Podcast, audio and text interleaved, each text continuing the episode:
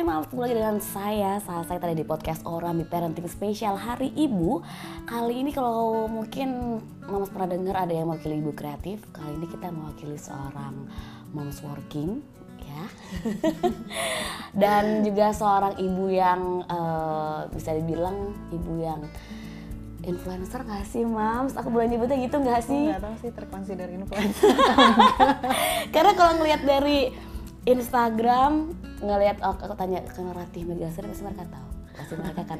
Kalau mereka Adam Fabumi mamahnya Adam. Kayaknya yang influencer anaknya oh, iya. ibunya kecipratan. Apa kabar Mbak Ratih? Baik alhamdulillah. Aku nyebutnya Mams Ratih aja kali ya, karena iya, emang harusnya Mams sih. Iya, iya. boleh boleh. Iya kabar Mams Ratih hari ini sibuk apa sibuk bekerja, mm -hmm.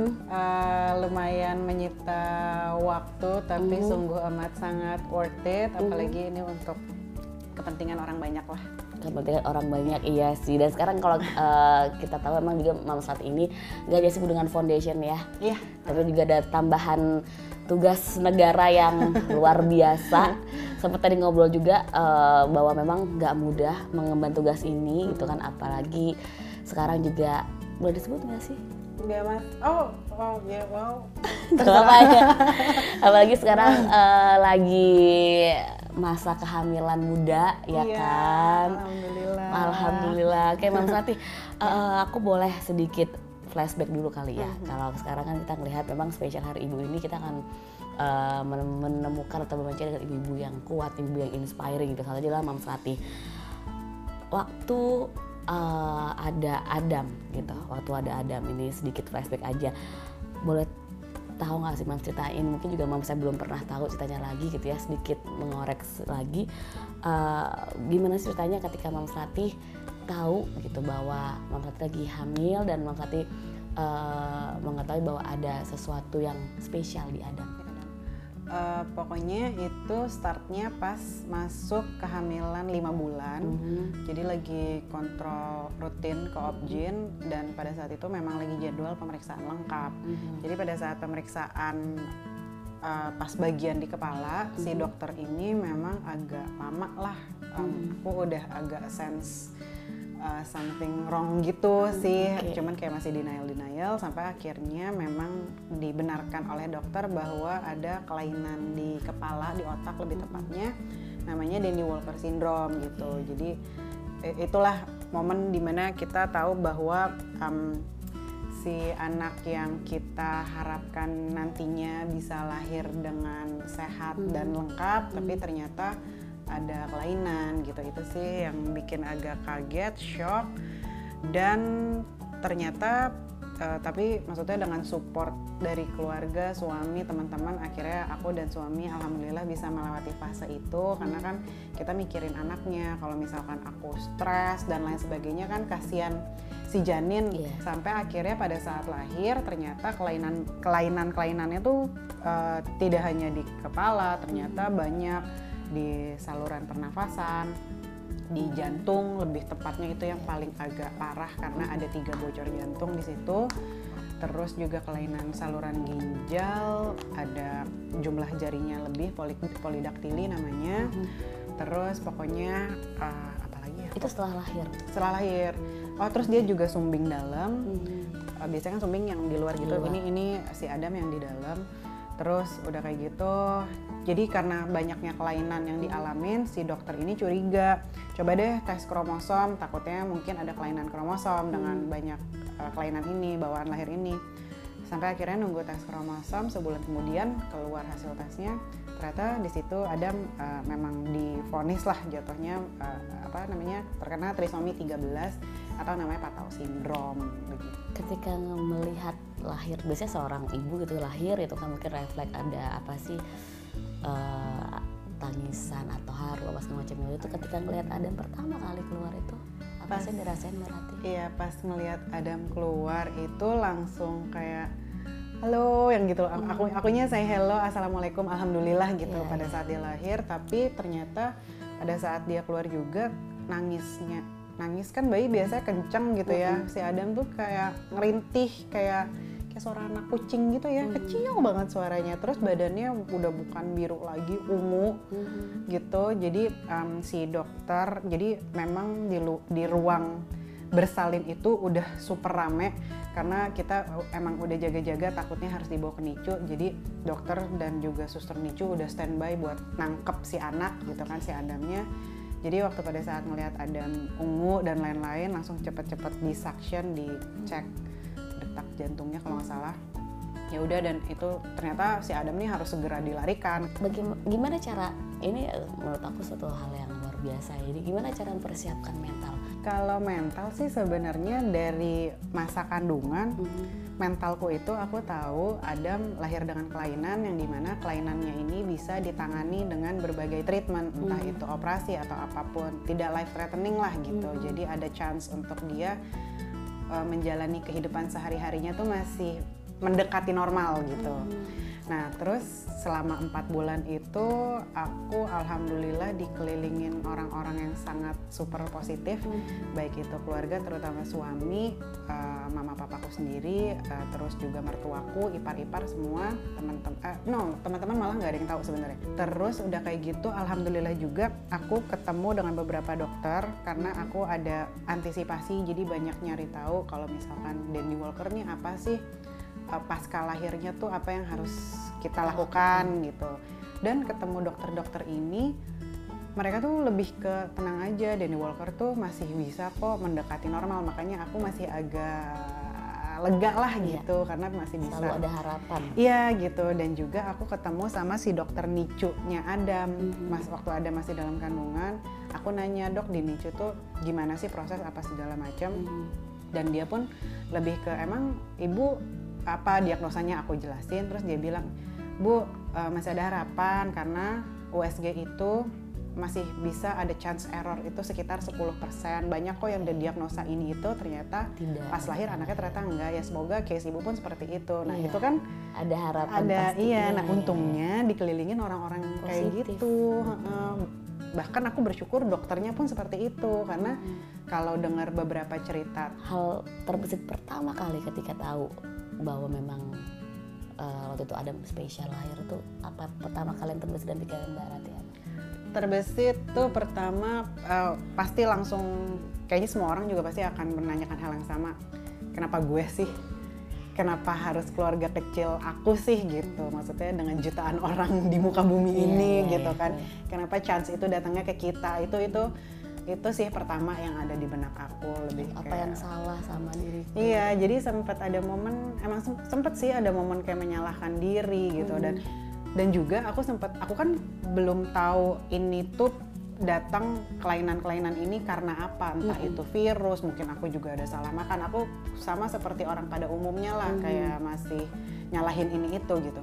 Karena sebelumnya aku kan ab- abis honeymoon, kebetulan honeymoonnya di South Africa waktu itu, jadi aku Oke. pikir aduh kan Afrika gitu kan ya, pasti udah ada Ah, virus takutnya apa, apa, gitu. segala macem gitu. Nah ternyata konsul dengan dokter sana sini enggak, memang ini tuh eh, si siapa namanya emang dapat kayak jackpot aja gitu. Mau orang sesehat apa pun bisa dapat dan kalaupun virus, misalkan virus harusnya pada saat aku cek darah pada saat hamil harusnya kan udah ketahuan tapi Iya. kan ini semua oke fine nggak ada masalah gitu Suka menyalahkan diri sendiri. Atau lagi nih ya, eh, apa sih alasan Mbak Rati gitu dan suami open eh, akhirnya memberitahu kepada publik bahwa apa yang terjadi sama Adam. Uh, karena kayaknya pada saat kita googling case di Indo itu apa namanya kayak referensinya tuh masih sangat dikit banget gitu. Jadi aku mencari tahu tentang case ini gimana cara nanganinnya ataupun apa pun di Indo tuh sedikit banget uh, materi tentang itu. Jadi kalau aku nyari banyaknya uh, orang tuh di luar negeri yang which is mereka treatmentnya itu segala fasilitasnya tuh sangat membandai yang di mana bisa mensupport kehidupan anak ini dengan sebaik-baiknya gitu. Nah aku mikir ternyata pada saat kita share itu ke keluarga mereka juga yang kayak ah apaan tuh trisomia 13 gitu.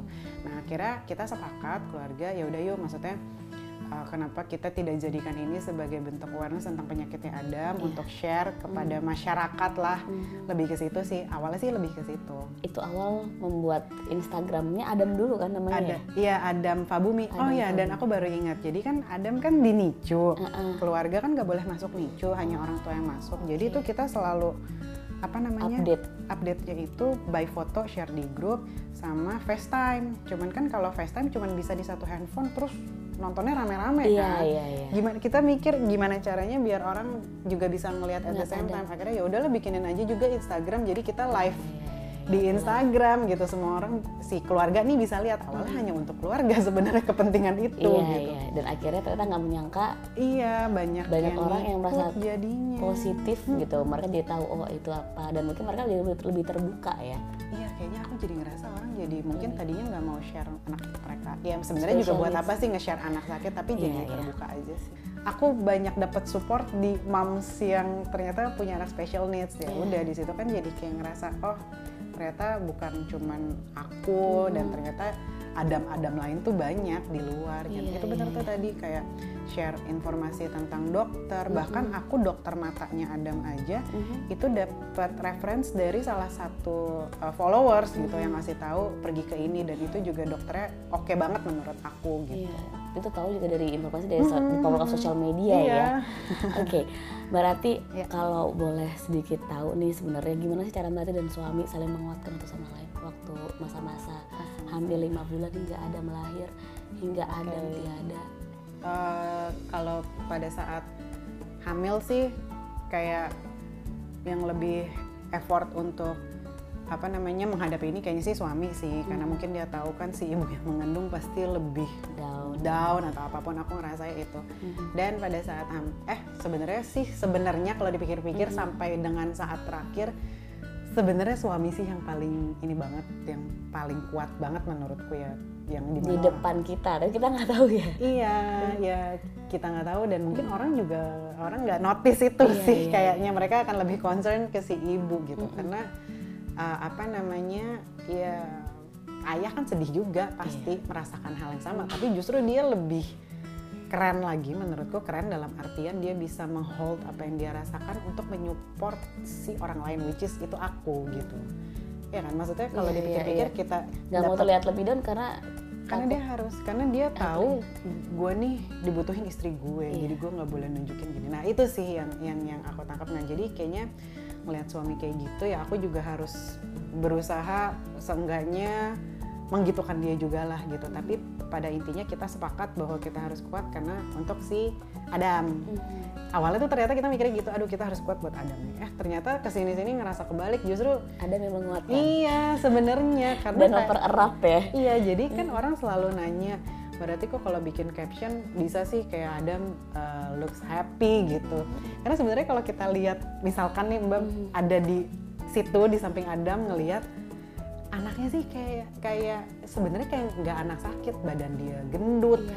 sekel-sekel gitu gitu. Jadi kelihatan sakit karena dia nafas dari ini aja kan pakai tracheostomy ah, sama ada si sonde. Sebenarnya kalau sekilas itu dicopot semua orang kayaknya nggak akan nyangka dia anak sakit gitu. Dan dan kayak suka ketawa-ketawa juga anak ini gitu. Jadi kayak ya, jadinya dia sih yang somehow jadi menguatkan kita gitu. Berarti aku mau tanya lagi deh. Hmm, dengan adanya eh, Adam Fab- Fabumi Foundation, awal tercetusnya seperti eh, ada foundation ini seperti apa sih berarti? awal tercetusnya itu memang em, apa namanya karena aku ngerasa kok di kita kayak oh nggak jadi awalnya itu kita ada grup eh, apa namanya eh, grupnya namanya tips. Itu grup yang menaungi orang tua dengan anak-anak trisomi baik itu trisomi 13 maupun 18 gitu.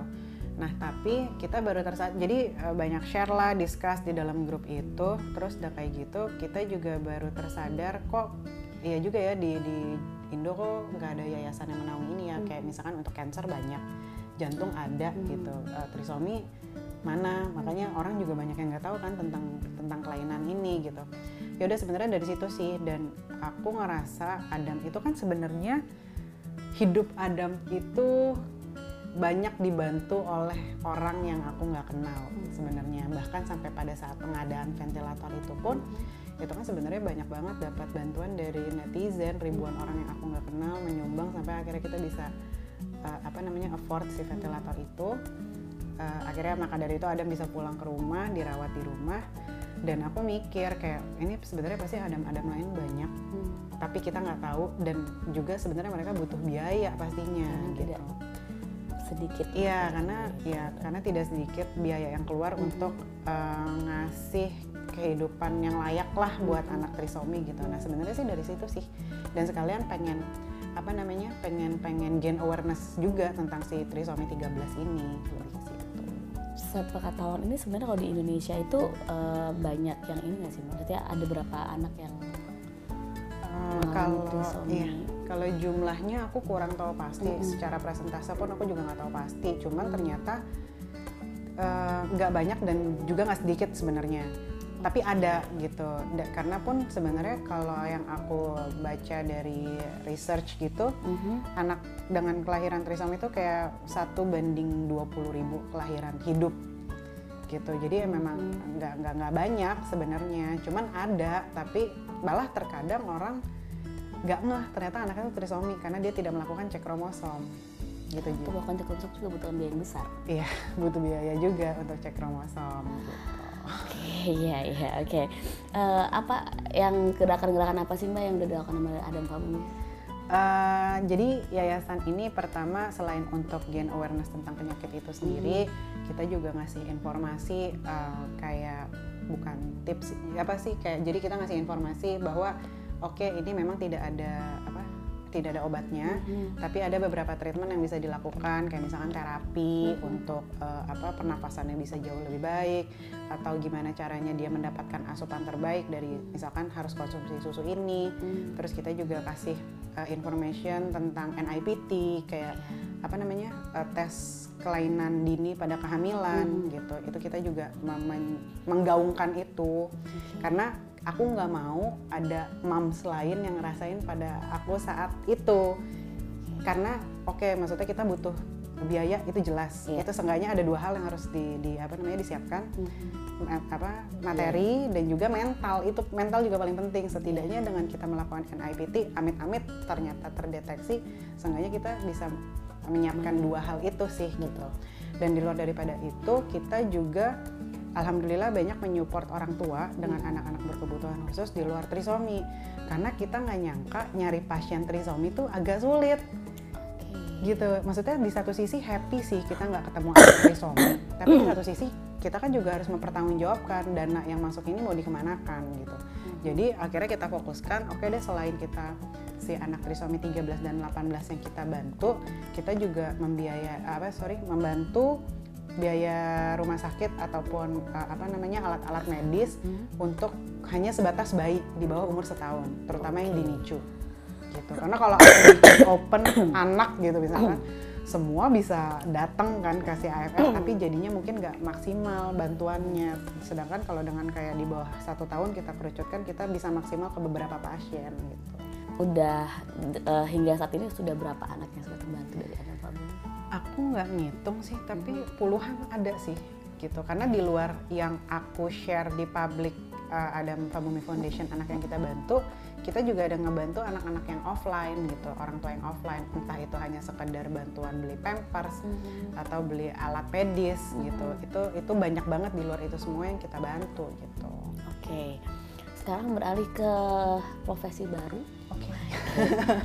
Menjadi menjadi ibu dari Komisi 10 ya Mbak ya? iya Komisi 10. Kalau tahu itu di bawah apa sih Mbak?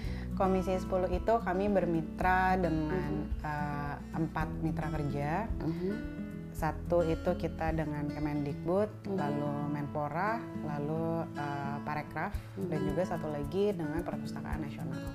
Jadi uh, memang kita membidangi, membawahi uh, pendidikan, olahraga, pemuda dan olahraga, serta pariwisata. Satu hari berapa kali meeting? Uh, bisa dua sampai tiga yang mungkin setiap meeting takes time sekian jam. Wow, jadi dalam satu minggu tuh kayaknya istilah cuma di hari Minggu aja, belum tentu juga ya. Weekend sih ada. Weekend. Sebenarnya kan nggak ada hari libur kali ya sebenarnya Satu karena minggu juga tetap aja kadang iya, ada ya. kita juga harus mengurus konstituen kan. Gimana cara bagi waktunya nih sama suami? Oke, eh, bagi waktunya yang yang jelas pertama suami alhamdulillah sangat fully support eh, dengan karirku yang sekarang. Tapi memang di saat misalkan aku udah beres kegiatan di kantor, begitu pulang pasti aku akan spend time dengan suami gitu. Dan weekend juga selagi eh, intinya pada saat memang ada waktu longgar kita ya apa namanya pasti ngeluangin waktu lah Iya. untuk pergi gitu seenggaknya. Apa sih aktivitas favorit biasanya dilakukan sama suami mbak? Nonton. Nonton. Iya. Dan kayaknya udah udah nggak selonggar dulu ya. Kalau sekarang kayaknya susah banget ya. Aku aja nggak inget kapan terakhir nonton film itu udah nggak tahu. Udah nggak tahu film terbaru apa Nggak jangan-jangan tahu, nih. Bahkan nggak tahu. Terus sebenarnya ketika eh, terpilih menjadi anggota DPR Komisi 10 pula tantangannya apa sih? Tantangannya adalah em, ini hal baru ya buat aku dan eh, pada saat aku nyemplung Mhm. terjun langsung di dalam apa namanya dunia legislatif ini ternyata tidak semudah yang kita lihat di luar kali ya gitu ternyata. Karena ternyata em, harapan masyarakat beban yang kita tanggung tuh nggak nggak sedikit gitu. Itu Sangat beban yang besar sangat ya. besar. Itu amanah yang eh, harus dijalankan dengan sebaik-baiknya dengan segala keterbatasan kita itu.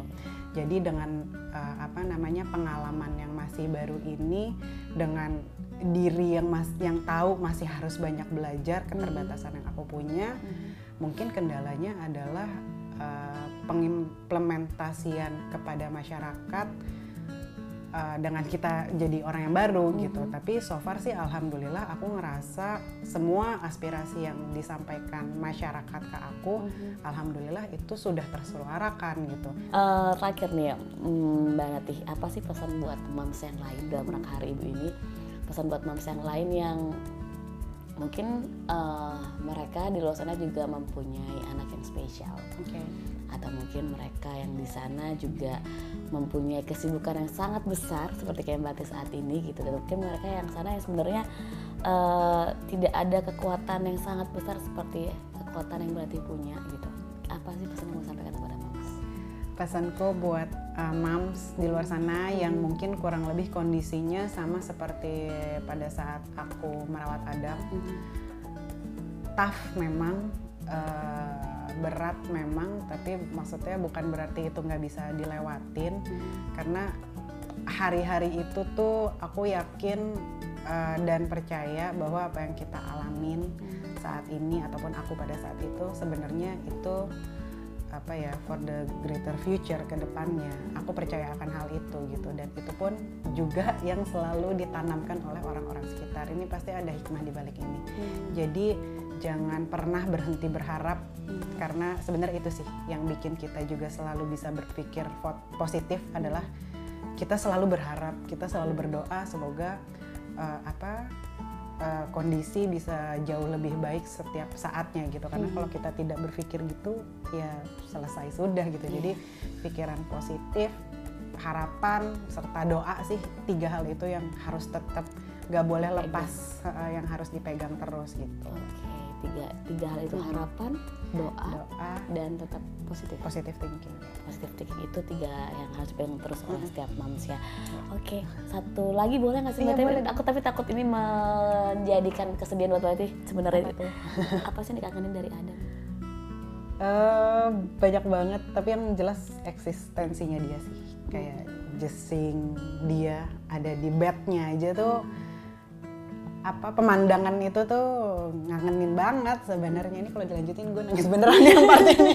Aku selalu nggak pernah mau cerita Adam tapi akunya nangis enggak karena aku nggak pengen eh, apa namanya maksudnya aku nggak mau kesannya Adam tuh ninggalin jejaknya tuh jadinya sedih padahal nggak. Dia banyak dia banyak nyenengin hati kita gitu. Oke.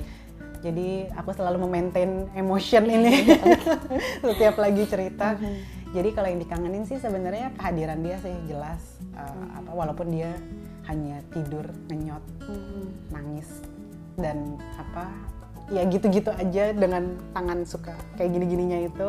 Maksudnya walaupun walaupun hanya kayak gitu cuman ya itulah eksistensinya dia sih yang yang yang yang apa ya aku ngerasa tujuh bulan aku sama Adam itu mungkin bagi orang itu waktu yang sangat apa ya sempit sedikit Mhm. kurang lama gitu. Cuman untuk aku dan juga suami serta keluarga tujuh bulan tuh bonus banget. Karena kayak case kayak Adam nih biasanya mungkin paling lama tuh sebenarnya bertahannya hanya seminggu ataupun sebulan. Itu paling lama banget. Apalagi anak cowok. Anak cowok justru uh, tingkat survivalnya tuh lebih rendah daripada perempuan. Perempuan. kalau untuk trisomi 13 sedangkan Adam udah dia cowok kelainannya sangat berat. Dia udah kayak paketan yang super jackpot deh. Semua organ vital kena. Dia bisa survive tujuh bulan dan dia bisa bikin kayak aku ngerasa semua ibu-ibu se Indonesia bersatu untuk menyupport Mendoakan Adam mendoakan gitu. Dan lebih lebih ini lagi pada saat Adam meninggal aja bahkan pada saat itu pemprov DKI nge- nge-DM nge-DM ya nge-DM aku lupa Instagram Adam atau aku. Dia sampai menawarkan "Ah, mau nggak dibantu proses pemakamannya Adam? Kayak bahkan sampai pemerintah mau ikut bantu gitu Iya. kan. Aku siapalah aku pada saat itu gitu. Jadi aku eksistensinya dia itu sih yang yang yang aku rindu. Gimana cara ngobatin kangen? ngobatin kangen. Jadi aku nih punya baju outfitnya dia lah sampai ke selimutnya. Pada saat hari dia meninggal jadi aku punya baju-bajunya dia itu itu Adam kan ada baunya khas gitu ya bau bayinya dia itu Nah, terus aku ngerasa aku sama suami kita simpen aja yuk gak usah dicuci. Jadi kalau kangen cium-cium aja gitu. Freak sih emang kayaknya. aku masukin ke dalam kantong plastik gitu. Oke. Jadi kadang kalau lagi kangen aku cium-cium gitu. Terus kita juga punya apa namanya guling, gulingnya dia tuh yang kalau misalkan di Instagram suka ada. Nah, itu ada di bed aku. Gitu Terus sih. selalu ada gitu. Iya, sama kalau lagi kangen eh, terkadang aku nonton video klipnya dia yang siaran, tapi terkadang juga aku eh, bukan nggak mau nonton ya, karena maksudnya kan kangen ya kalau kangen jadi galau yang kayak gitu-gitu. Jadi kayak ya paling ngebuka Instagramnya dia lagi sih ngeliat story-storynya di- apa cerita-ceritanya dia ini. Gitu. sempat cerita juga gak sih mbak? Maksudnya sempat kadang tuh jadi curhat gitu. Adam lagi ngapain sekarang? Mama lagi gini kayak gitu juga gak sih? Ke si adeknya sih, Oh, kadang-kadang ke adeknya. ah, kayak Komunikasi ke adiknya. Iya, kayak terus kadang juga aku sama suami suka kayak berhalu-halu gitu. Ini kalau si Adam masih ada, terus anggaplah dia sehat. Iya. Gimana ya dia kalau ketemu adiknya, maksud adiknya ini tipe kakak yang nyebelin kah? Iya, iya, Atau iya, yang iya. sayang sama adiknya. Jadi Iya, kita iya. kadang suka ada skenario kayak gitu-gitu, Iya, iya, mikir-mikir gitu. Pasti dia juga akan jealous juga enggak Iya, gitu ya kan? iya, kayak Iya, iya gitu. sih. Oke. Oke lah, hari ini emang benar podcast yang luar biasa. Terima kasih banyak Thank you, Mbak Rati. sama-sama. Terima kasih sudah berbagi positifnya, terima kasih berbagi kekuatan juga. Sama-sama. Berbagi kekuatan juga para mams yang udah dengerin podcast hari ini. Terima kasih. Sukses buat karirnya Mbak Rati. Sama-sama, Sukses terima juga mengemban tugas yang amanah Amin, doakan ini. semoga lancar diberi kesehatan agar semua tugas-tugas um, Amin. ini bisa berjalan dengan baik. Diberi kesehatan juga buat adik bayi, diberi Amin, kesehatan terima lancar kasih. persalinan. Amin, amin, amin, amin. Itu Oke. paling penting juga. iya. Oke, terima kasih ya Mbak Iya, Rati ya udah di Orami Podcast. Oke, terima kasih Mam. Sampai ketemu lagi nanti di Orami Parenting Podcast yang lain.